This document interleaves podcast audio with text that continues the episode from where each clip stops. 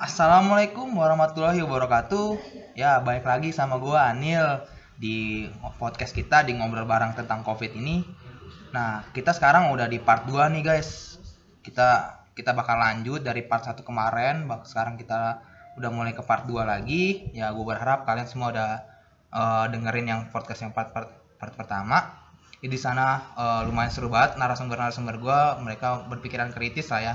Kemarin eh, bisa gua singkat aja dari kemarin itu gue sama mereka bersama Aldi dan Riyad membahas tentang COVID gimana sih eh, di masyarakat sekarang. Karena mereka eh, masyarakat biasa dan di sana gue bakal tanya-tanya tentang mereka. Pokoknya kalian masih yang belum dengerin dengerin dulu biar kita bertahap ke podcast kali ini. Nah di sini eh, podcast ini udah udah part 2 kita bakal naik sedikit naik level ke sedikit lebih eh, teoritis lah ya lebih ke ilmuwan di bidang kesehatannya banget nih. Nah penasaran kan? Nah pokoknya stay tune terus nih.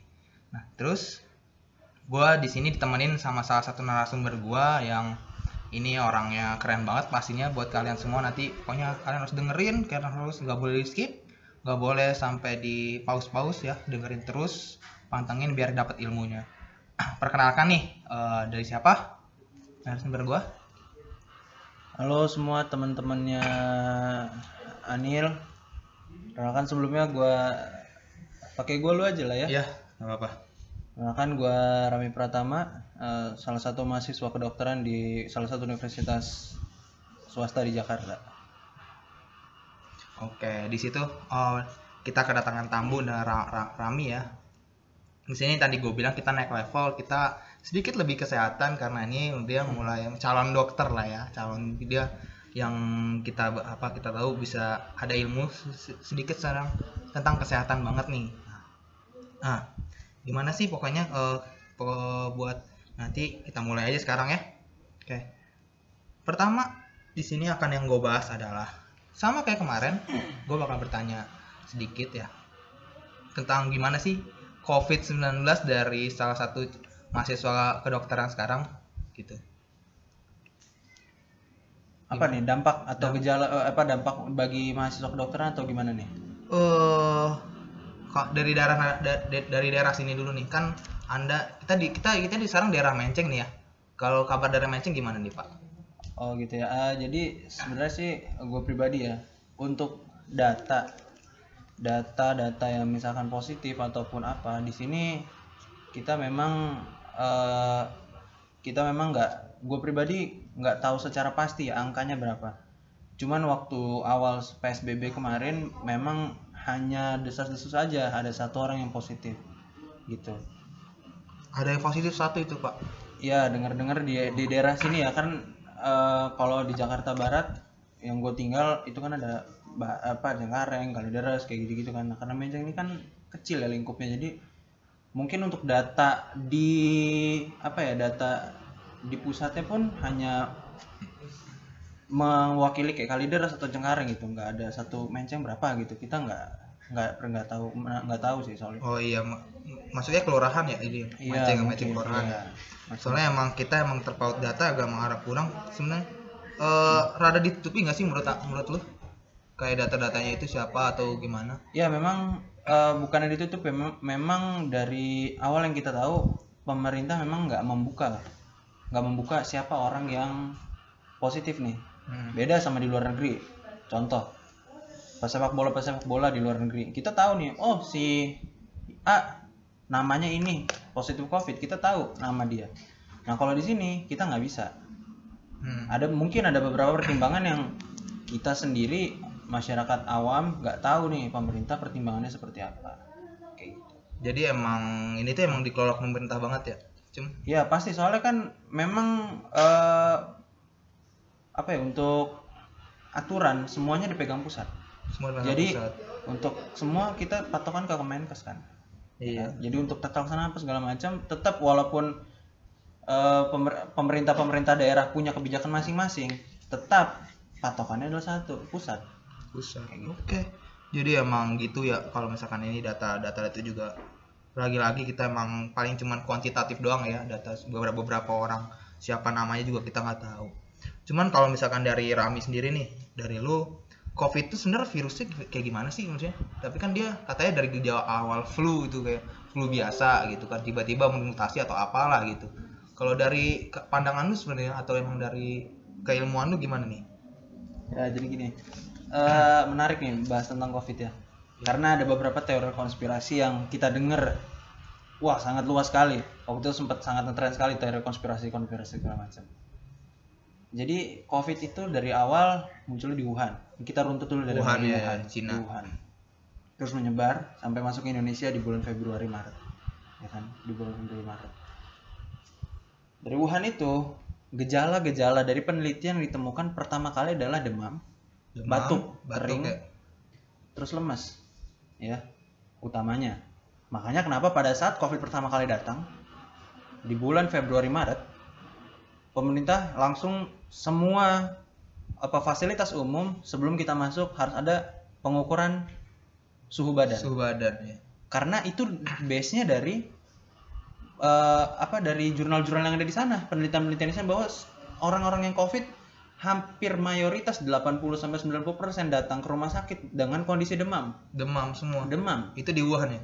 Iya awalnya karena memang di sana dulu kan di awal Iya. nah jadi otomatis penelitiannya pasti di sana nggak mungkin penelitian di luar dulu Iya. jadi kita belum percaya nih Wuhan dulu nih karena istilahnya ini orang yang udah paling berpengalaman banget nih soal ini. Jadi Hmm. base data kita lihat di sana dong. Nah tapi kendalanya di Indonesia adalah akhirnya setelah Fe- Februari Maret ada eh, kita dirumahkan itu ada sebutannya ada lagi namanya orang tanpa gejala. tanpa gejala. Orang tanpa gejala dia nggak demam, dia nggak batuk, tapi dia eh, Carrier atau Apa? gimana? dia menular banget. Kalau misalkan dia tiba-tiba batuk ke orang yang nggak kena covid bisa tertular. Itu disebutnya OTG. OTG. Orang tanpa ada. gejala. Oh iya iya. Nah. Tahu deh. Ya sekarang namanya bukan orang tanpa gejala lagi. Kasus terkonfirmasi asimptomatik namanya kalau bahasa medis. Wah, susah juga ya kita masih belum Asimptomatik, tahu nih. iya. Asimptomatik tadi ya benar. Iya. Asimptomatik itu tanpa gejala. Tanpa Itu gejala. bahasa Jadi gitu guys, ada bahasa lagi. Iya. Jadi itu memang dia panas, batuk kering, lemas. Memang itu mayoritasnya seperti itu. Tapi di Indonesia, ya di Indonesia nggak nggak yang demam juga nggak terlalu mayoritas, yang batuk juga nggak terlalu mayoritas, gitu. Tapi tiba-tiba kena gitu. Nggak ada tiba-tiba kena. Apa ada trackingnya? Ada tracking. Jadi makanya kenapa pada saat dia batuk demam, dulu namanya ODP dan PDP. Iya. Orang dalam pengawasan dan juga pasien dalam pengawasan. Orang dalam pengawasan adalah ketika eh, orang nih bertemu berkontak langsung dengan orang yang terkena COVID atau orang yang berpergian ke luar negeri. Orang yang berpergian ke luar negeri. Iya. Ya. Nah itu kita tracking siapa nih yang ketemu sama dia sama dia sama dia. Nah pada saat proses tracking itu atau trace trace itu itu dia masuk ke status yang ODP. Bisa jadi ODP dia. Iya, jadi ODP. Nah, Mm-mm. PDP itu jatuh pada saat ini udah dites swab, ada kecurigaan ini dia COVID. Sambil menunggu hasil swabnya Iya. menggunakan RT-PCR, bukan rapid test. Perlu Sebelum ya? dicatat, bukan rapid test, tapi RT-PCR. RT-PCR. RT-PCR itu adalah alatnya untuk swab. Nanti dicek DNA atau genom virusnya di sana. Iya. Ketika dia positif, baru dia terdiagnosis ini positif. Baru jatuh ke positif COVID-19.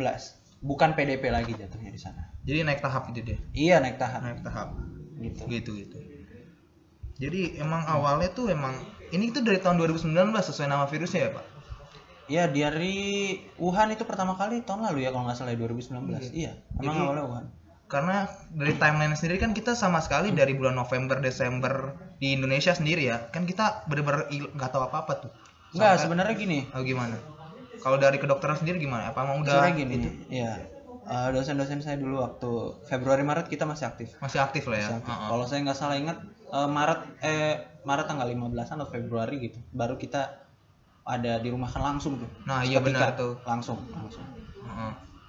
Tapi kita harus lihat semua yang dari Wuhan masuk ke sini atau dari luar negeri masuk ke Wuhan terus keluar itu harusnya ada kecurigaan di sana. Harusnya ketika sudah ada seperti itu, semua orang harusnya sudah waspada. Harusnya sudah waspada. udah waspada Bukan saya menyalahkan pemerintah, iya bukan menyalahkan pemerintah, tapi harusnya itu sudah diwaspadai karena dari bul dari bulan Desember Januari pun itu sudah ada wacana-wacana banyak sekali tentang covid Itu kalau nggak salah di Desember akhir lah ya, baru kita dapat. iya ya, itu kan Desember udah, akhir. udah udah udah mulai timbul Udah tuh mulai ya. udah mulai timbul Desember kita akhir. juga udah mulai was-was kan Heeh. ya kan nah tapi ya mau apa dikata ketika virus itu masuk ke sini pertama kali itu kita nggak punya alat istilahnya tiba-tiba diserang. Buta kan tiba-tiba diserang. Kita belum punya alat serang nih. Belum punya tembakan belum punya helm belum punya tameng. Masih minim sekali gitu. Masih jadi pada ya. saat pada saat dia masuk itu kaget. Oh harus gimana? Tiba-tiba melonjak banyak sekali. Bahkan yang saya ingat bulan Februari akhir itu ada satu pasien covid Iya. di Depok ya. Di Dua- Depok, oh dua ya, di pasien awal. satu sama pasien dua. Jakarta masih tenang-tenang. Nah, itu dia tuh. masih kita masih tenang masih bisa aktivitas macam-macam. Gitu kan? Bener-bener. Yang pertama adalah langsung DKI Jakarta melalui Pak Gubernur ya langsung dia Dia Pak Anies yang langsung itu kan. Iya, aktif langsung. dia langsung. Mm-mm. nah itu mulai dari situ baru baru ada apa ya kepedulian gitu yang saya lihat ya ini dari sisi pandang saya dari pandangan. sisi pandang saya seperti itu sih Kalau emang dari berita juga kita tuh mereka yang wabah itu masuk dulu baru kita ditanangani gitu. Ya kan dari Indonesia sendiri kan. Jadi Iya. mereka baru masuk, kita udah udah tahu nih. Tapi kita baru eh, nyiapinnya setelah mereka udah masuk gitu tuh. ya sebenarnya yang harus teman-teman tahu Heeh. di Bali bukan di Bali apa turis Turis. eh. datang ke Indonesia selama 3 atau 4 hari pulang ke negara asalnya dia ada gejala demam batuk pilek dites dia positif COVID-19 Ya. itu nggak cuma satu ada Banyak yang di Jepang juga ada beberapa negara itu datang terutama kayak seperti di Bali di Jakarta yang memang apa eh, banyak lah turis-turis datang ke Bali ke Jakarta untuk berkreasi itu atau kan. segala macamnya itu Bener-bener. ya kan? Nah itu pada saat dia pulang ke negaranya ada gejala timbul, gejala COVID-19 ketika di swab dia positif COVID-19. Harusnya itu sudah menjadi aware, Iya. harusnya sudah menjadi aware. Tapi kita masyarakat kita nggak tahu karena data itu pun terbuka pada saat bulan-bulan kita tidak dirumahkan. Berarti Maret April lah ya. Iya Maret April. data itu. Kalau dari segi kesehatan nih, maksudnya kan eh, virusnya berarti nggak langsung kena kan ya? Itu butuh berapa hari sih sebenarnya? Ya, sebenarnya ada disebutnya masa inkubasi virus. Oh Ya, inkubasi virus ya. ya masa Jadi inkubasi kita virus. eh, misalkan dari gua misal gua nih misalkan eh, amit-amit ya tiba-tiba ada orang, cuman kan gua nggak langsung kena gitu kan maksudnya. Ya. Mungkin dia nyebar ke gua, cuman dia gua nggak langsung tiba-tiba batuk, tiba-tiba demam ya kan? Ya. Itu namanya inkubasi, ada masa inkubasi tuh. Ya masa inkubasi disebutnya Masa inkubasi. Jadi memang ah, kenapa kita disuruh minum vitamin olahraga teratur itu untuk meningkatkan yang disebutnya sistem imunitas, sistem Imun. kekebalan tubuh. Hmm. Ya, sistem kekebalan. Virus itu masuk ke dalam tubuh kita itu perlu yang namanya reseptor dan Reseptor. perlu adanya viral load. Jadi kalau misalkan itu virus mau bergejala, itu virus mau bergejala, misalkan perlu 10 10 virus Oh, 10 virus. yang masuk misalkan. satu dia harus Iya. berkembang biak dulu jadi 10 Baru bisa. baru bisa timbul gejala ini Oh. disebutnya masa inkubasi nih Iya, iya, jadi ngerti, ngerti. masuk nggak langsung dia nimbulin gejala karena harus ada dia bereplikasi kita sebutnya atau berkembang biak di dalam sel tubuh manusia Iya benar. misalkan yang masuk satu sementara untuk timbul gejala perlu 10 jadi harus berkembang dulu jadi 10 nah di sinilah fungsi kekebalan tubuh kekebalan tubuh di sini dia berfungsi Imun Nah, ya? satu ini masuk ketika kekebalan tubuh manusianya bagus atau tubuh seseorang ini bagus, ini tereliminasi langsung. Nggak akan jadi 10. Kayak gitu. Oh, emang jadi tergantung imun kita ya berarti. Ya, salah satunya tergantung imun. Imun. It, kalau misalnya kita itu kan salah satu itu udah masuk, Itu udah masuk. udah masuk. Yang harus diperhatikan adalah pencegahan sebelum dia masuk. Oh, yang kayak protokol sekarang gitu. Iya, itu Oh. yang harus menjadi concern bagi masyarakat. Bagaimana cara kami, termasuk saya juga, ke keluarga saya terutama, itu Iya. bagaimana caranya memberitahu uh, protokol-protokol kesehatan dari awal. Gitu. Memang saya tidak masuk relawan-relawan yang waktu itu di Kemendikbud. Karena Hmm, saya ada ya mempunyai ya. alasan saya tersendiri. Gitu. Iya, Jadi ya minimal lingkungan sekitar kita paling kecil adalah keluarga kita dulu nih untuk natin protokol kesehatannya seperti apa. Itu Iya sih sih. pendapat saya pribadi. Jadi emang berarti virus tuh nggak langsung masuk, tergantung imun kita tuh ya. Iya, Nah. kalau udah masuk baru imunitas. Imunitas. yang berkembang. Imunitas berkembang. Ya di situ baru imunitas yang jalan tuh. Istilahnya kayak apa ya? Batuk itu termasuk sistem imunitas pertama. Jadi ketika ada virus masuk, dibatukin itu virusnya keluar. Bersin juga termasuk ya. Bersin termasuk sistem imunitas. Hmm. Makanya kalau bersin itu harus apa yang siku ya? Siku, oh, siku bersin tangan ya, atau tangan atas lah ya. tik- siku apa eh, bersin atau batuk itu harus siku. Karena apa? Siku kita nggak mungkin menyentuh orang lain. Iya. Itu salah satunya. Nggak mungkin kita salaman siku sama siku, nggak mungkin. atau Bahaya ya. atau siku dalam. Eh, siku dalam Siku untuk dalam ya, untuk siku batuk dalam. itu siku dalam, bukan siku luar. Bicep lah ya, dekat bicep lah ya guys ya. Ya sekitar situlah pokoknya kalau kalian bayangin aja. Ya, ini pokoknya ada ada lipatan siku nah. Ya, nah, ya. dia di situ. Karena nggak mungkin kita salaman siku-siku dalam nggak mungkin dong. Iya kan pasti sikunya di luar ya siku atau luar kayak JK dulu ya. Gitu. gitu sih. Berarti emang berarti kita oh ya buat eh, imun sendiri nih. Nah, yang rentan nih biasanya emang orang-orang yang misal udah eh, maaf ya buat orang yang udah berpenyakitan gitu loh. Emang nggak per diagnosisnya gitu ya? Maksudnya kalau misalkan eh misalkan ya, misalkan eh, mohon maaf semuanya juga kalau misalkan ada ada orang tua bisa misalkan diabetes nih, berarti bisa kondisi covid bisa masuk gitu tuh. Ya jadi gini, tetap balik ke mana ke sistem kekebalan tubuhnya. Iya. Ya itu adalah faktor yang memberatkan. Berarti covid itu makin beratin ya, kayak Iya, memperberat memperberat kondisi COVID-nya. Karena apa? Kayak diabetes. Itu Iya. kita sebutnya komorbid. komorbid apa? Komorbiditas. Ya kayak bawaan kayak Oh, gitu. bawaan, Ya, yang ya. udah Tahu. yang dia punya itu Yang dia komorbid. Iya, dia asma, diabetes, hipertensi atau darah tinggi atau kencing manis tadi diabetes. Heeh. Itu salah satu komorbid. atau dia punya punya penyakit-penyakit jantung, stroke segala macam, Nah, orang iya, orang tua seperti itu. Itu adalah penyakit yang akan memberatkan penyakitnya tersebut ketika Iya. Covid masuk.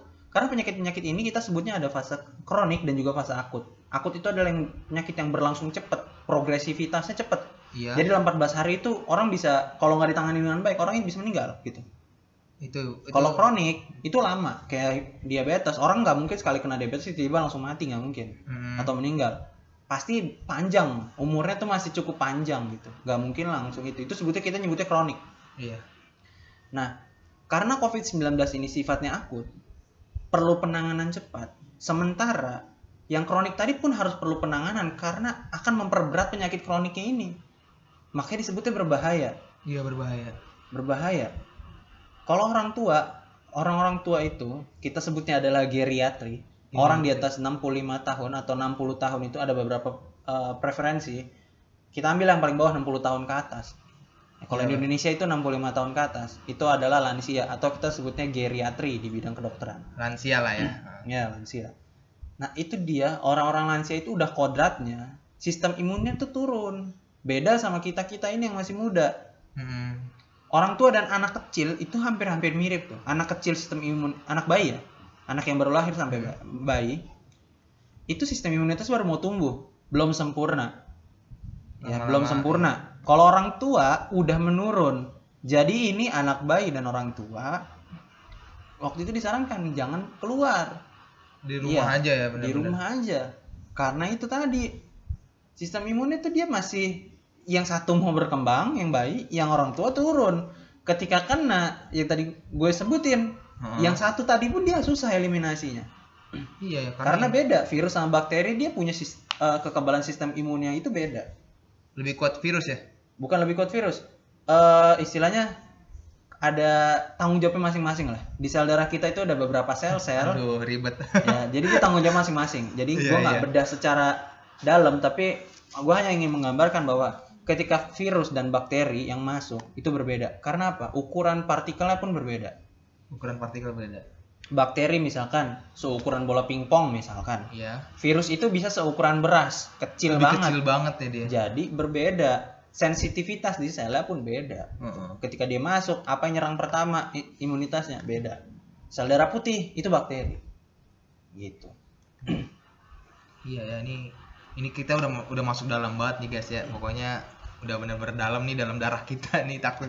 Emang takut sih dia emang sampai dia pakai masker N95 ya. kalau nggak salah yang Ya, benar-benar masker. buat Jadi di kita juga di rumah sakit itu ada eh, APD tingkat 1, tingkat 2 dan tingkat 3. ada tingkatannya juga Iya, jelas. Ketika lo datang ke rumah sakit misalnya, Uh-huh. lo ngelihat ada yang pakai masker hijau tuh, Iya, surgery, hijau itu. surgical masker. surgery Nah, itu tingkat 1, tingkat 2. Ketika Hmm. tingkat 3 adalah tingkat yang paling beresiko nih. Misalkan operasi. udah Nah, itu pakai ya? N95. Namanya juga N95. Jadi dia bisa menangkal 95% bakteri dan virus dari iya luar. Iya, kayak gitu. Emang itu berbeda. berarti emang itu dikhususan buat medis ya Iya, makanya kita edukasi ke masyarakat Iya. adalah jangan apa ya, bukan jangan ya. Kalau bisa kurangi masker yang surgical atau N95 Mm-mm. karena dulu ah, susah banget masker kan Iya, harganya gila harganya itu cuman serat, bisa apa awalnya cuman 25.000 ribu, 30 ribu, tiba-tiba 300 ribu, 294 ya mau gimana? Parah karena itu ya. seluruh dunia perlu. Bukan cuman Indonesia bukan cuman Malaysia atau mana. Seluruh dunia perlu. Bener pandemi lah ya. Pandemi udah dunia ya masuk ya. Iya pandemi, itu dunia, ya pandemi. Ya masih aduh emang. Awalnya kan endemik. Endemik tuh di daerah Wuhan doang ya Wuhan itu ya. Doang. Wuhan Cina pandemi doang. sekarang. Itu emang bahaya banget emang ya karena dia virusnya emang itu emang dia virus kuat lah ya enggak Gimana virus itu sebenarnya sama ya sama ya virus itu adalah kodratnya self limiting disease atau dia akan sembuh sendiri. Sembuh Makanya sendiri. disuruh isolasi 14 hari. Heeh. Ya kan? Kenapa di rumah sakit? Kenapa dia dikasih di rumah sakit? Karena gejalanya berat. Mm-mm. Kalau gejalanya berat, berat perlu kontrol. Jadi kontrol yang ketat. Jadi harus dipantau terus tuh. Mm-mm. Nah, kalau dia gejalanya ringan, tapi misalkan dia positif COVID atau Iya. dia nggak enak badan, di rumah bisa yang ada curiga suspek di rumah aja. Udah di rumah aja. Nggak usah ngapain nggak usah kontak dengan orang luar. Nanti isolasi diri sendiri gitu ya? Iya isolasi diri sendiri itu 14 hari. Mm-mm. nah itu 14 hari itu kita bisa berasumsi virusnya sudah selesai dinetralisir oleh sistem kekebalan tubuh kita oh itu bener fix 14 hari apa yang plus minus ya? Eh, di teori yang kita baca 14 hari. 14 hari lah ya. 14 hari kurang lebih 14 kurang, kurang hari. lebih kurang lebih. Kurang lebih ya 14 hari. intinya kurang lebih kurang 4 nih. Jadi, apa tergantung imun juga? Bisa kurang 12 hari atau 10 hari? Apa gimana tuh? Enggak tergantung paparan dari kapan. Kan kita nggak tahu paparan oh kapan. iya. Kita nggak tahu. Makanya kita tabrak rata semua 14. Karena mungkin misalkan si A datang Mm-mm. batuk pilek, dia udah ngalamin gejala tiga hari yang lalu. Berarti kan sebelum tiga hari ini ada masa inkubasi yang kita nggak tahu, iya benar ya kan? Ya udah kita pukul aja semua 14. 14 Walaupun dia hari. udah 8 hari misalkan. Mm-mm. Berarti kan 8 kurang 6 hari doang buat 14 hari. Ya pukul aja rata 14 semua. Kayak gitu. Nah, kan kalau misalkan eh, kan dikatakan ya kalau misalkan umur umur umur kita dari 15 sampai 30 lah atau 40 itu masih bisa nahan po- tergantung imun kita. Kalau misalkan emang umur-umur kayak kita nih kena juga tuh emang tergantung imunnya tuh gimana ya? Banyak faktor. Banyak faktor ya. Banyak faktor. Kira-kira satunya apa? Salah satunya apa tuh? salah satu imun pasti. Imun ya. Salah, salah duanya. Salah dua. Yang Jadi, kedua. Ya, ah, pokok ya itu tadi. Anak-anak muda banyak yang kena asma nggak? eh temen gua ada sih aja sih. Ada. Ya itu bisa memperberat. Atau memang ketika dia lagi down, lagi turun Lagi. imunitasnya, atau dia nggak menjaga protokol kesehatan, atau dia Main berkontak, atau dia berkontak langsung dengan orang yang kena covid, kita nggak tahu. Iya. Karena iya, iya. sekali batuk nih, itu ribuan partikel virus yang masuk. Spirit ya, spirit Iya. apa? Droplet apa sih? Satu meter, makanya kan disuruh jaga ya droplet. Heeh. Satu meter itu harus kita jaga antara si A sama si B. Nah kita satu meter ya guys, kita satu meter nih. Ya pokoknya kita satu meter. Saya Anil sama Rami satu meter ya. Dan kita alhamdulillah sehat. Ngomong pun, berbicara pun itu ada partikel droplet yang keluar. gitu. Bisa Dan jadi. bisa jadi juga adalah gini, transmisi daripada COVID-19 itu ada yang langsung sama ada yang tidak langsung. Itu teman-teman harus tahu. ada yang langsung, gimana langsung kayak tiba-tiba depan lu batuk. Lo Oh, dia oh, dia gitu. COVID. Dia COVID. Kita nggak tahu sebenarnya dia COVID atau enggak. Ih, nggak ada yang tahu ya. Kita nggak tahu dia COVID atau enggak. Heeh. Misalkan kita nggak tahu dia COVID atau enggak. Batuk depan kita. Uhum. Wah. Itu kontak langsung. Kontak tidak langsung adalah ketika lo batuk, nutup pakai tangan, Iya. belum cuci tangan nih, belum tangan. pakai hand sanitizer, lo megang gagang pintu, Iya. yang bekas dipegang ini ba- batuk, Heeh. yang batuk ini megang gagang pintu belum cuci tangan, Iya. lo nih yang nggak tahu apa-apa nih, Megang. megang tuh gagang Aduh. megang tuh gagang pintu terus lu megang mukosa mukosa itu mata hidung mulut langsung kemungkinannya ada Bisa jadi tuh ya. Bisa jadi. Bisa jadi. atau yang lagi mau sekarang yang katanya banyak eh, COVID-19 sekarang bisa menyebar lewat Air sprit. airborne. Airborne, Airborne. itu udara. Dulu, dulu itu yang awal ya, awal itu dia airborne itu disebutnya pada saat eh, tindakan medis. Misalkan, lo pernah lihat nggak kalau orang asma itu diuap? Orang Diuap. asma diuap ya. Nah itu dia itu yang disebut airborne. Bukan ketika lo batuk virusnya terbang gitu, enggak. Jadi Bukan itu yang dimaksud. Itu Oh, awal. Nah kalau awal. sekarang katanya pada keadaan-keadaan fasilitas umum yang ruang tertutup Mm-mm. itu dia bisa menyebarkan dengan sirkulasi udara yang tidak baik misalkan ventilasinya nggak bagus atau segala macam yang nggak bagus itu bisa katanya tapi ini baru sekedar masih memerlukan penelitian lebih lanjut untuk bisa dapat dikatakan vi- COVID-19 atau SARS-CoV-2 ini Mm-mm. menyebar lewat udara. Jadi butuh penelitian lagi ya semua tuh ya. Ya, memang eh, kita karena ini seluruh dunia belajar update terus. Jadi jangan pernah kapok untuk mendengarkan berita setiap jam 3 jam 4 sore Iya ya. COVID-19. Covid-19. Udah berapa? Sekian, sekian. Udah berapa? Itu salah satunya buat aware buat kita gitu loh. Jangan walaupun kita sekarang udah masuk new normal. Mm-mm. New normal sekarang ini kita menjadi kayak dulu lagi. Namanya juga new normal. Gitu. Kita harus ada perilaku yang baru lah. Nah, gini nih, eh, mungkin itu udah panjang lebar kita bahas soal COVID ya. Paling kita lanjut lagi ke topik selanjutnya. Nah, tadi kan bahas new normal nih. Nah, buat dari Rami sendiri dari lu nih, pas PSBB sama new normal ini gimana sih perbedaannya menurut lu? Entah emang dari apa coba terserah sih, mau kayak pandangan eh, dari lu. pandanganku pribadi ya ini pribadi gue pribadi, pribadi, pribadi. sebagai diri gue sendiri bukan gue sebagai mas kedokteran atau Iya. ini diri gue pendapat pemikiran dari sisi pandang gue sendiri Hmm, boleh boleh. masa psbb di Jakarta terutama menurut gue pribadi itu cukup efektif Cukup efektif. buktinya adalah penurunan. Jelas. Bahkan kemarin Jakarta sempat menyentuh di bawah 100 Pernah, iya, pernah pernah. kalau anda lihat data itu pernah nyentuh di bawah 100 di grafiknya. Per harinya per harinya pernah menyentuh 90-an yang saya lihat. Sekarang keadaan new normal kan sekarang beda nih namanya bukan new normal tapi Jakarta statusnya masih PSBB transisi PSBB transisi. Iya, PSBB Oh, transisi. Pernah dengar gue di berita ya? Ya, PSBB transisi di Jakarta. Sudah mulai ada aktivitas, beberapa fasilitas-fasilitas umum sudah mulai dibuka, beda sama dulu benar-benar ditutup semua. Sekarang udah mulai dibuka. Ya kan? Mm-mm. Nah, tapi dengan nggak tahu ya mungkin dengan mas masyarakat seperti apa, pemikiran atau apanya, punya pendapat pribadi atau apa. Kita bisa kita bicara data. Kita bicara data Iya. sekarang udah naik 400-an dari kemarin ada progresif naik di atas dari 200 300 sekarang udah mulai menyentuh 400 pernah kemarin sudah mulai ada progresivitas naik lagi Tinggi banget ya pas new normal ini, Pak. Ya. Nggak terlalu tinggi terlalu tinggi di Indonesia sekarang di Jawa Timur tingkat kematian tertinggi pun di Jawa Timur bukan di Jakarta Jakarta. dulu pada saat masa PSBB Jakarta itu bener-bener wah udah paling banyak meninggal juga iya Hmm. Tapi kedisiplinan pada saat PSBB ini harus diakui. Menurunkan. Itu. Makanya kita harus sadarkan kepada masyarakat siapa pun. Lu nggak harus menjadi orang influencer untuk bicara lu didengar orang. Iya. Lo nggak harus seperti itu. Siapa pun ketika lo punya ilmu sedikit sepenggal kata ilmu dari yang lo keluar, itu harus lo sampaikan pada orang lain. Contoh kecil. Gimana tuh? Contoh kecil adalah ketika lo ngelihat ada orang nggak pakai masker, ada orang nggak pakai masker, lo tegur, Ditegur lah lo ya. masjid, paling ringan lah masjid.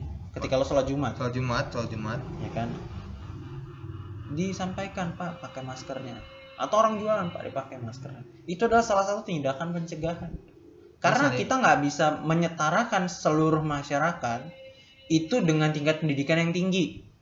Mm-mm. dengan keegoisan yang sama nggak bisa Iya iya. ada tingkatan masyarakat ada yang jenjangnya ini udah sarjana SMA SMP yang hanya lulusan SD dan semacamnya dan segala macamnya itu itu nggak bisa kita samaratakan sehingga adalah edukasinya itu yang harus kita sampaikan nah ini PR bersama bukan PR pemerintah bukan PR dari DKI ini adalah PR kita semua COVID-19 ini rasanya bukan masalah hanya di pemerintah pusat bukan masalah di pemerintah daerah tapi adalah masalah di kita semua. Mm-mm. karena kita semua merasakan beda sama hutang negara itu urusan pemerintah doang. Mm, tapi iya, kalau iya. covid ini ada di kita loh. Nggak peduli apa itu teori konspirasi silakan yang mau percaya ke teori konspirasi. Iya iya. tapi kita harus lihat kita harus apa ya, objektif. Lihat ada yang positif dan ada yang meninggal Mm-mm.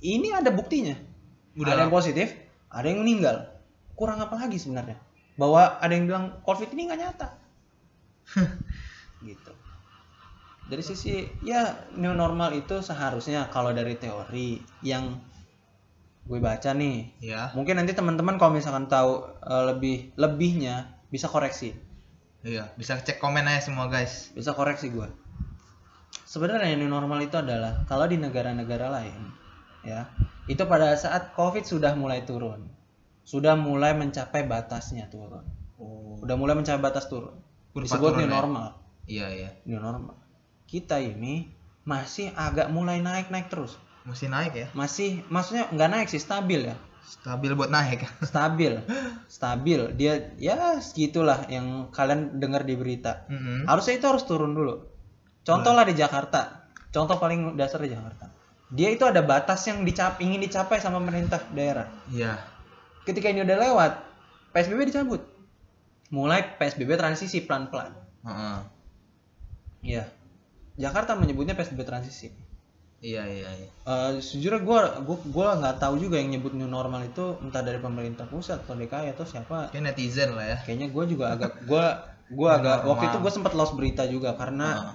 Sempat kesel juga sama masyarakat gitu kesel juga sama orang-orang karena apa sih kok nggak mau nurut gitu loh Rame kan di mana-mana juga sekarang ya. ya ya gue nggak bisa menyalahkan Mm-mm. kita nggak bisa menjudge menjustifikasi orang tersebut nggak bisa Nah. Oh, nah lagi nih. Kan kalau lu kan dari bidang kesehatan ya. Nah, bidang kesehatan nih. Kalau misalkan kata Pak Jokowi presiden kita yang gue bahas juga nih part, ra- part satu kemarin nih. Ekonomi sama kesehatan tuh nggak bisa dipisahin. Kalau lu di bidang kesehatan dan ngeliat udah kita semakin marak kayak gini, lu pandangan lu gimana? Apakah lu bakal milih ke PSBB lagi atau mau new normal aja? Gimana tuh? ya sebenarnya gini ya Heeh. gue gue sih ngerti ya Eh, pemerintah mikirnya udah kayak gitu gue sih ngerti gue gue iya. ngerti apa ya karena eh ya istilahnya lu mau ambil ke sini ada pro dan kontra lu Nah. ke sini ada pro dan kontra ya kan Iya benar-benar. istilahnya apa ya eh dilema gitu buah si malakama lu ke sini salah ke sana salah karena ada pro dan kontra yang sama-sama gede ini di antara keduanya kalau gua pendapat gua adalah gua setuju sama yang sekarang Setuju sama new normal. gua setuju gua nggak setuju sama gua nggak bilang gua setuju sama new normal Oh, gimana tapi tuh? gua sepakat ketika protokol kesehatan sudah ditetapkan dengan baik Iya. bukan hanya dari atas Dari pemerintah bukan dari pemerintah. bukan hanya dari atas misalkan dari atas bilang restoran restoran fasilitas fasilitas umum harus menyesuaikan protokol kesehatan dengan baik dan benar gue gue tidak apa ya yang gue lihat sekarang adalah di daerah gue Iya. itu belum terjadi ada beberapa yang sudah dan ada beberapa yang belum pun restoran besar kayak gitu ya. jadi istilahnya adalah SOP-nya harus jelas SOP ketika harus jelas. SOP sudah jelas protokolnya sudah jelas. Gue itu pasti ekonomi jalan. Karena fasilitas-fasilitas umum sudah berjalan ketika protokol kesehatannya sudah jelas. Mm-mm. jadi memang itu nggak bisa dipisahin. Ketika lo mau ekonomi jalan kesehatan juga harus. Nggak mungkin lo semua orang sakit banyak yang mati tapi Iya. ekonomi lo naik. Ah, benar-benar. lebih berharga mana sih lo nyawa sama ekonomi? Nah, ya kan? Iya. ada yang mau jawab nyawa ada yang mau jawab ekonomi. Itu dia dua itu pandangan ada itu yang seperti itu tapi pada itunya adalah kodratnya kenapa nggak dua-duanya Kenapa nggak? Iya, ya benar ya. gue setuju kemarin PSBB 14 hari itu untuk menekan penularan atau menekan transmisi daripada covid Oh, bener bener. setelah itu orang bosan Keluar rumah. tapi bukan alasan utamanya bosan Gimana ekonominya turun Dia nggak dapat makan, nggak dapat uang. Gitu. nggak dapat makan dapat uang Hmm. ya kan makanya itu tadi protokol kesehatan harus jelas. Misalkan di ruang tertutup harus seperti apa? Hmm. ketika restoran mau jalan harus seperti apa? Tempat duduknya harus seperti apa? Terus ketika kereta fasilitas-fasilitas umum Transjakarta seperti apa? Itu harus jelas. Hmm. protokolnya harus seperti apa dan harus ketat. Jangan cuma dari atas doang. SOP ke bawah harus jelas. Harus ditegaskan. SOP ke bawah harus jelas. Harus nyampe benar-benar dipastikan dari A ke Z harus tahu Jadi jangan cuma putus di ya. C jangan cuma putus di D jangan Iya. cuma putus di K di X yang mau deket lagi Z Mm-mm. tetap ada yang putus di sana nggak bisa harus itu protokol kesehatan harus jelas dari atas sampai bawah semua harus tahu Berarti dari pemerintah sampai ke keluarga kita minimalnya ya. iya harus Dan nggak juga harus ke semua luar ya, ke semua ya dari kalau ke keluarga mungkin pencegahan tepat pencegahan nah, ya. tapi untuk ekonomi lu nggak mungkin cuma keluarga lu dong Iya sih, ya kan? benar. lu harus melibatkan orang lain Heeh. contoh Sekitar. UMKM UMKM kasihan Nah iya, UMKM UMKM kan masih ada yang nggak jalan UMKM gitu. UMKM kasihan Heeh. ya mau gimana waktu kemarin PSBB banyak yang bangkrut banyak yang di PHK Nah, itu sedih dia. juga dengernya cuman ya mau gimana ya tapi di sisi lain ada positifnya juga Gimana tuh positifnya? banyak kreasi-kreasi yang keluar ada yang jarang di rumah jadi belajar masak di rumah terus jualan Iya bisa sih. itu apa ya banyak lah yang bisa dikerjakan gitu Mm-mm. tapi ya balik lagi ketika berbicara tentang kesehatan dan ekonomi menurut gua gue sepakat sama yang sekarang dengan catatan yang sudah gue sebutkan tadi Berarti SOP itu penting banget lah ya. sangat Sangat, sangat, penting, penting, banget ya. kalau SOP-nya berantakan semua ke bawah berantakan Hmm. Berarti sama kayak Pat kemarin guys ya. Jadi kalau misalnya Ali sama Riyad kemarin emang kita semua berarti kita semua sepakat nih SOP itu ya atau emang protokolnya emang harus kita taati banget gitu ya. Mau keadaan mau gimana pun yang penting SOP-nya harus ada gitu kan. Nah, menarik sih emang kalau misalnya kita lihat ini eh tinggal SOP-nya doang ya, cuman tinggal eksekusinya eksekusi secara massal ya ini semua ya. Nggak cuma Udah. kita-kita doang gitu ya. sebenarnya kan udah ya cuman gimana ya masyarakat bermiliar eh berjuta orang di Indonesia. Pemerintah 270 membawahi 270 juta 270 masyarakat Indonesia. Banyak fasilitas umum banyak MKM banyak banyak eh, kantor perkantoran yang ada di Indonesia. Hmm. ya kan?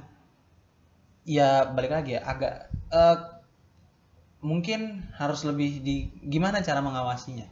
Itu sih Hmm. memang yang menjadi sulit karena kita juga mungkin dari pemerintah pusat atau pemerintah daerah juga sedang memikirkan solusinya seperti apa karena controlling untuk pemantauan itu sejujurnya agak sulit juga tuh Iya sih, emang realnya emang susah banget lah ya.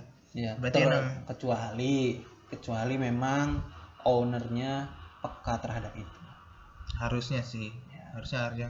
Jadi sampai bawah-bawah pun juga Ya, bisa. jadi emang semuanya harus. Ketika ketika di restoran itu apa nggak ada protokolnya, Mm-mm. kitanya nih yang harus tahu. Yang Iya, mau datang harus tahu. Udah tahu oh, duluan lah jaga ya. jarak nih. Heeh. Oh, gua harus ini nih, gua harus ini. Nah, itu yang penting. Jadi memang seluruh elemen masyarakat itu harus tahu bagaimana protokol kesehatan yang berlaku di masa sekarang yang kita sebut new normal. Gila, emang penting banget lah ya. Emang berarti emang bisa disimpulkan emang kita emang udah harus taat itulah ya.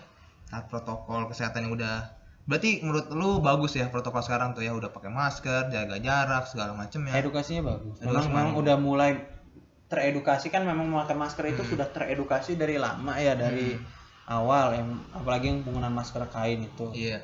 Itu yang udah teredukasi. Cuman sekarang adalah bagaimana caranya Eksekusinya aja. ya. kita me- semakin luas Semakin luas dan menyebarkannya. dan selalu update. Karena gini, ilmunya harus diupdate terus. Covid semua orang belajar. Jadi jangan jangan kaget nih tiba-tiba Ya. nih. Dulu waktu awal-awal Kemenkes bilang yang pakai masker hanya yang sakit. Iya bener gue tahu tuh tuh. Ya, yang pakai masker hanya yang sakit biar dia nggak nularin penyakitnya ke orang lain. Heeh. Sekarang Semuanya. karena ada OTG semuanya harus memakai masker. Jadi ilmu itu berkembang. Maksudnya ketika lu edukasi dulu, Mm-mm. nggak lu edukasi lagi yang sekarang, Sama aja nanti ya. miss anda miss dong Iya. Iya kan? Karena ada perubahan. Nah, Iya, ini iya, nih yang jadi permasalahan. Ketika ada perubahan lagi, gimana caranya kita meng, mengas- apa ya, memberitahu atau mengedukasi masyarakat kembali. Itu yang menjadi PR bersama. Bukan PR pemerintah, bukan PR lu, bukan PR gua, tapi PR kita bersama seluruh masyarakat Indonesia. Iya. Gitu. Indonesia bisa lah ya sama-sama ya. Kita kan udah bersatu terus dari lama ya kan. Bisa lah. Ah, lanjut nih buat mungkin dari Rami. Kalau dari lu sendiri nih, lu pencegahan diri kayak gimana nih? Gue ikut protokol kesehatan. Sama ya, hand sanitizer, cuci Iya. tangan gitu ya. Ya, tapi ya ini perlu catatan juga ya. Gimana tuh dari lu? Penggunaan hand sanitizer itu hanya maksimal lima kali. Lima kali. Lima kali dibandingkan dengan satu mencuci tangan dengan sabun. Jadi, Jadi misalkan- satu hari misalkan. Misalkan, lu udah cuci tangan lima kali pakai hand sanitizer, Iya. lu harus cuci tangan dulu pakai sabun baru bisa pakai lagi. Oh, nggak boleh dibarengin tuh. Gak boleh, bukan Nggak gak boleh nggak, boleh. nggak boleh lama banyak-banyak gitu. Iya, j- jangan lebih dari lima kali, Hmm. karena dikhawatirkan kan kita megang suatu atau apa di tangan kita punya kuman. Iya. Kumannya ini nanti kita nyebutnya resisten atau tahan. Keseringan nih jadi di kebal Iya, gitu ya. jadi dia kebal sama hand sanitizer itu. Jadi harus cuci tangan pakai sabun. Sebenarnya dulu waktu kurang hand sanitizer nggak perlu khawatir, kita pun nggak kekurangan sabun. Iya ya. Tapi kan kadang orang males.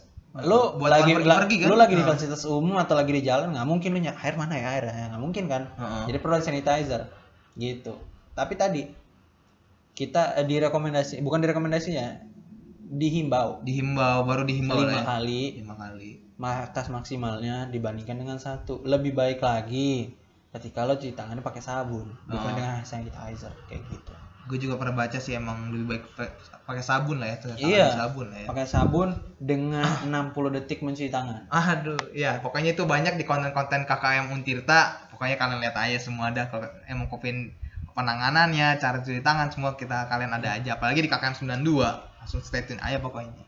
Nah, selanjutnya nih ada yang menarik nih. Gue sih sedikit happy ya dengan berita ada vaksin corona.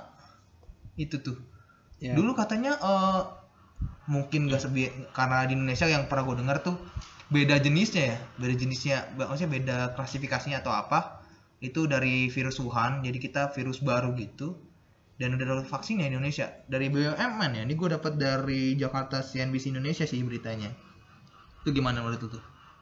ya gini kemarin gue baru ikut seminar nih baru Hmm. banget nih kemarin Woi, hangat banget mantap, mantap, mantap. baru banget kemarin pembicaranya dokter Erlina Burhan tahu dokter Erlina Eh, kayak terkenal tuh ya dok- dokter Erlina yang Pernah. sering nongol di salah satu acara TV yang suka Oh. debat-debat di TV nasional Iya, tahu gue. Oh ya, gue tahu, gue tahu. yang spesialis paru Mantap. dokter Erlina Burhan spesialis paru dokter juga dengar Heeh. kemarin saya ikut seminar ya dok Iya. jadi eh beliau bilang memang di berita vaksin corona di Indonesia sudah masuki fa- eh, fase 1 Fase satu jadi percobaan. ada jadi ada fase 1 2 3 Oh iya iya. jadi ada berita tapi di seluruh dunia sebenarnya gini kalau kita bicara vaksin itu dia harusnya nih harusnya normalnya Harusnya. adalah sampai ke fase 1 aja itu perlu 8 tahun Hmm. Sampai ya. fase 1 aja perlu 8 tahun tuh tapi dia dipercepat nih cuma 6 bulan kan Digas lah ya. Nah, itu dokter Erlina kemarin bilang kita masih perlu percobaan lagi, masih perlu penelitian lebih lanjut lagi Heeh. untuk kita bisa bilang vaksinasi. Karena kita juga karena nggak mau juga nih, gua gua memang bukan dokter, gua baru mahasiswa kedokteran Heeh. yang lagi koas, Iya lagi kok. yang lagi koas, yang terhambat karena Hmm. COVID-19. Gue perlu mendukung ketika ada dokter-dokter yang berbicara seperti itu. Gue gue ikut bertanggung jawab untuk turut andil mengedukasi masyarakat terutama di sekitar gue. Hmm. Karena itu beban moral tersendiri bagi kami. Iya iya ngerti ngerti. Ya jadi untuk vaksin memang nggak eh, kita nggak bisa berbicara banyak untuk sekarang. Hmm. Mungkin di berita seperti itu yang eh, lo dapet cuman nggak bisa berbicara banyak karena memang belum tahu nih kapan ada vaksinnya. Kemungkinan kan dibilang akhir 2021 katanya. Pertengahan sih kalau dari yang gue dapat ya. Ya, Pertengahan itu sekitar 2021. 2021. Tapi kan itu harus dicoba dulu. Jadi istilah gini, lo fase 1 itu perlu 10 orang, Hmm. ketika dia aman ke 100 orang, fase 2, fase 3 1000 orang. Wah banyak jadi ada banget jadi ya. harus step-stepnya seperti itu. Gila emang. jadi ada Patut banget. jadi ada step-step ketika lo temuin vaksin untuk uji cobanya 10, 100 dan 10 ribu orang itu harus aman ketika dipakai vaksin. Berarti emang sekarang tuh zamannya sains kedokteran lah ya emang itu eh, yang pang- paling harus kita apresiasi lah ya. Apresiasi sebesar-besar ya buat kalangan kesehatan ya apalagi yang peneliti buat nemuin vaksin gitu loh. Ya makanya eh, masyarakat harus membantu. Karena eh, kita takutnya cuma satu. iya Takutnya cuma satu. apa tuh Bukan karena vas, bukan karena dokter-dokter yang meninggal segala macam. Takutnya bukan itu. Takutnya adalah ketika rumah sakit eh ketika pasien itu melebihi kuota di rumah sakit. Jadi Mm-mm. pasien yang memiliki gejala berat nggak punya tempat untuk dirawat akhirnya apa meninggal itu yang dikhawatirkan ter apa nggak nggak dapat itu ya pelayanan iya nggak nggak ya? dapat pelayanan kesehatan. Maka itu itulah yang dicegah kemarin itu. Jangan sampai overload. Kalau di overload wah susah. Mau ditanganinnya gimana? Alat kita terbatas. Gitu sih. Mm-mm. tenaga medis pokoknya dari gua sih gua emang apresiasi banget sama tim kedokteran di Indonesia apalagi dari enam bulan enam bulan lah ya. Garis bawah jangan cuma kedokteran. Semua tenaga medis Semua tenaga, tenaga medis, ada medis. perawat ada yang di rumah sakit termasuk OB termasuk dengan apa supir ambulans semuanya punya andil terhadap COVID-19 gitu. Makasih banget kalian eh, kalian para pejuang covid. Gue sebutnya pejuang covid aja lah ya. Ya boleh. pejuang covid 19 ini yang udah susah payah udah parah banget sih. Nah terakhir nih terakhir. Gua ada sedikit sih buat eh, topik terakhir.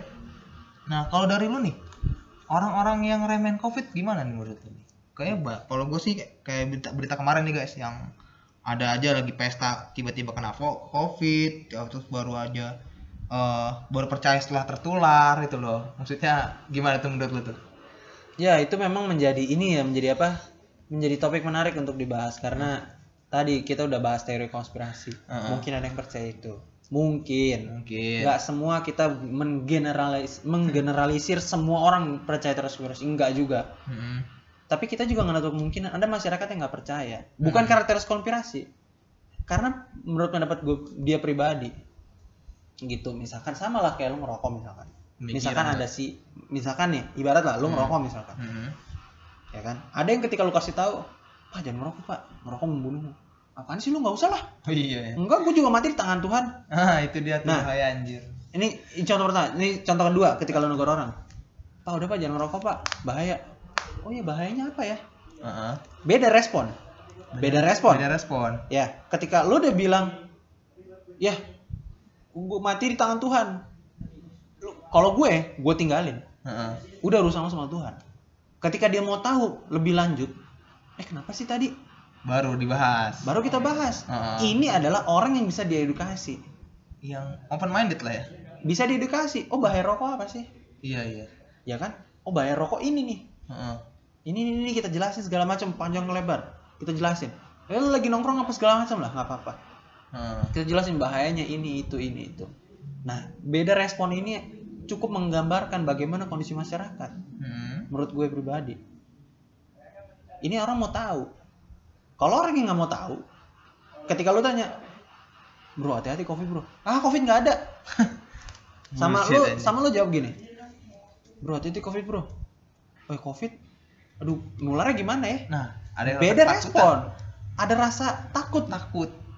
Takut tapi dia biasa. Lu nongkrong aja udah termasuk hal yang dulu itu sangat di apa istilahnya bisa dibilang sangat diharamkan lah dulu. Heeh. lu bersinggungan dengan orang segala macam ke tempat fasilitas umum.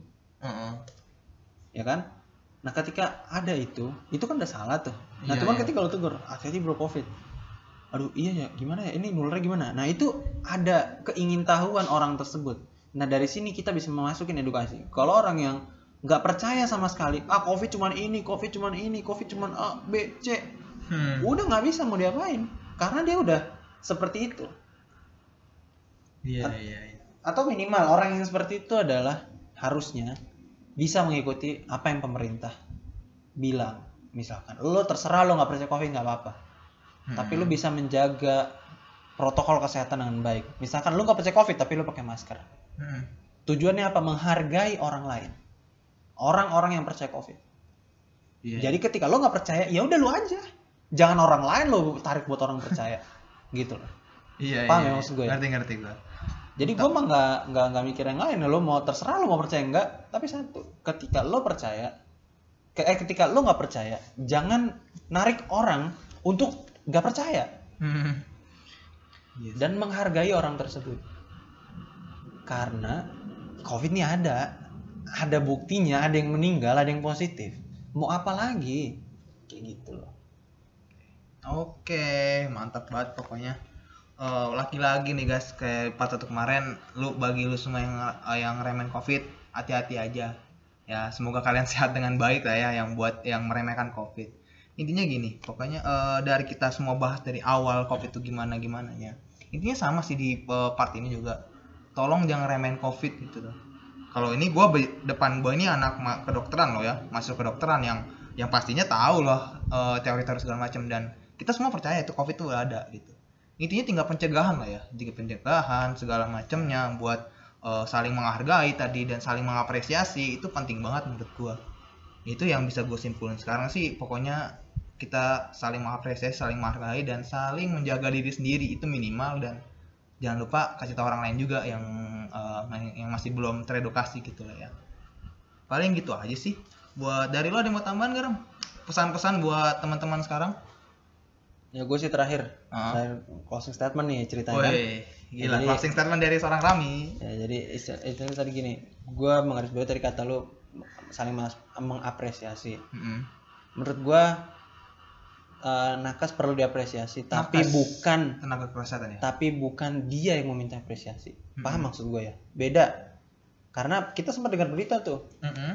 bahwa nakos-nakos mau di ini mau di itu apa perlu apresiasi besar apa segala macam bak pahlawan segala macam ada orang yang nggak senang Mm. jadi bukan dia yang meminta apresiasi tapi satu hal kebaikan misalkan Iya.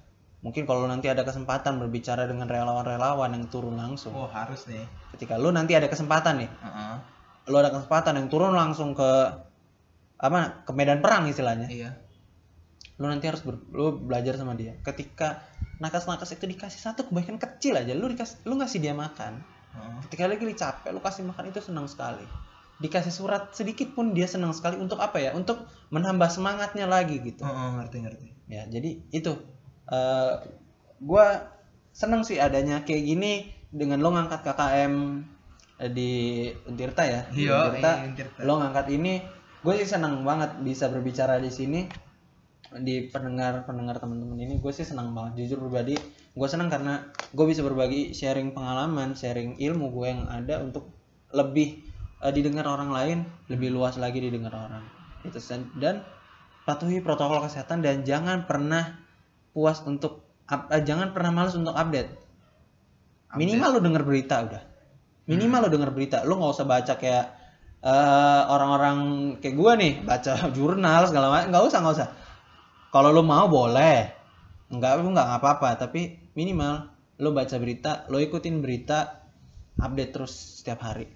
Update terus setiap hari jadi lo tahu nih perkembangan covid seperti apa jadi dari situ adalah itu meningkatkan awareness dari diri lo sendiri. Minimal lo sendiri. Mm-mm. minimal lo sendiri. Nggak usah mikir orang lain kalau lu nggak bisa mikirin diri lo sendiri dulu benerin diri sendiri nggak usah mikirin orang lain dulu men. Diri lo dulu yang bener baru Mantap, orang lain. mantap. kayak gitu sih. Itu itu hal yang sangat sangat penting. Pencegahan. Oke. Gila guys, gila. Kayak pokoknya kita udah udah 50 menit lebih 50 menit lebih lah kita ngobrol banget.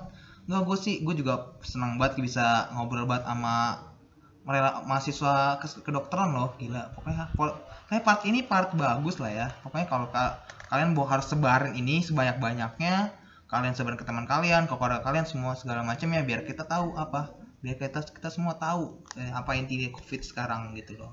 Oke, makasih dari Rami nih, gila lu keren banget nih dari mahasiswa kedokteran, gua apresiasi banget. ya sama-sama terima kasih terima kasih sudah lu mengundang ada IG atau ada mau apa?